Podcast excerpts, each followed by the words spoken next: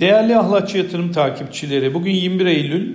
E, piyasa bir nebze son birkaç günlük negatif beklentisi ve fiyat hareketi sonrasında pozitif başlangıca doğru şu sabah saatlerinde e, gittiğini söyleyebiliriz. Bugün özellikle yurt dışında Çin ve e, Güney Kore borsasının hala dünden sonra kapalı olduğunu, Amerika tarafında ise cari dengenin inşaat izinlerinin ve konut başlangıçlarının takip edileceğini aynı zamanda Sayın Cumhurbaşkanımızın Amerika ziyaretlerinin de yurt içi için önemli olabileceğini söyleyebiliriz. Genel piyasalardaki olumlu başlangıçla birlikte yarın gerçekleşecek FED toplantısı ve perşembe günü gerçekleşecek Türkiye Cumhuriyet Merkez Bankası toplantısı öncesinde yurt dışında özellikle S&P'de 4450, DAX Almanya endeksinde 15500 ve dolar endeksinde de 93 seviyesi e, endekste aşağı e, daha doğrusu dolar endeksinde aşağı e, borsa endekslerinde yukarı yönlü geçilmedikten sonra şimdilik e, tepki hareketleri gün içinde yaşanabilir diyebiliriz. Yurt içine baktığımızda ise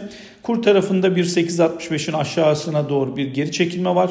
Burada önemli destek bölgeleri kısa vadede 8.68-57 seviyeleri ama özellikle Fed ve e, TCBM toplantısı öncesinde 8.57 aşağı geçilmedikçe kurda stresin devam edebileceğini, borsada orta vadede 1435 kısa vadede 1415 yukarı geçilmediği sürece de tepki hareketi olarak bütün fiyatlamaları bugün için değerlendirilebileceğini söyleyebiliriz. Borsada da kısa vadeli 1385 1400-1415 e, destek ve dirençlerini takip edebilirsiniz. Herkese bol kazançlar, iyi günler diliyorum.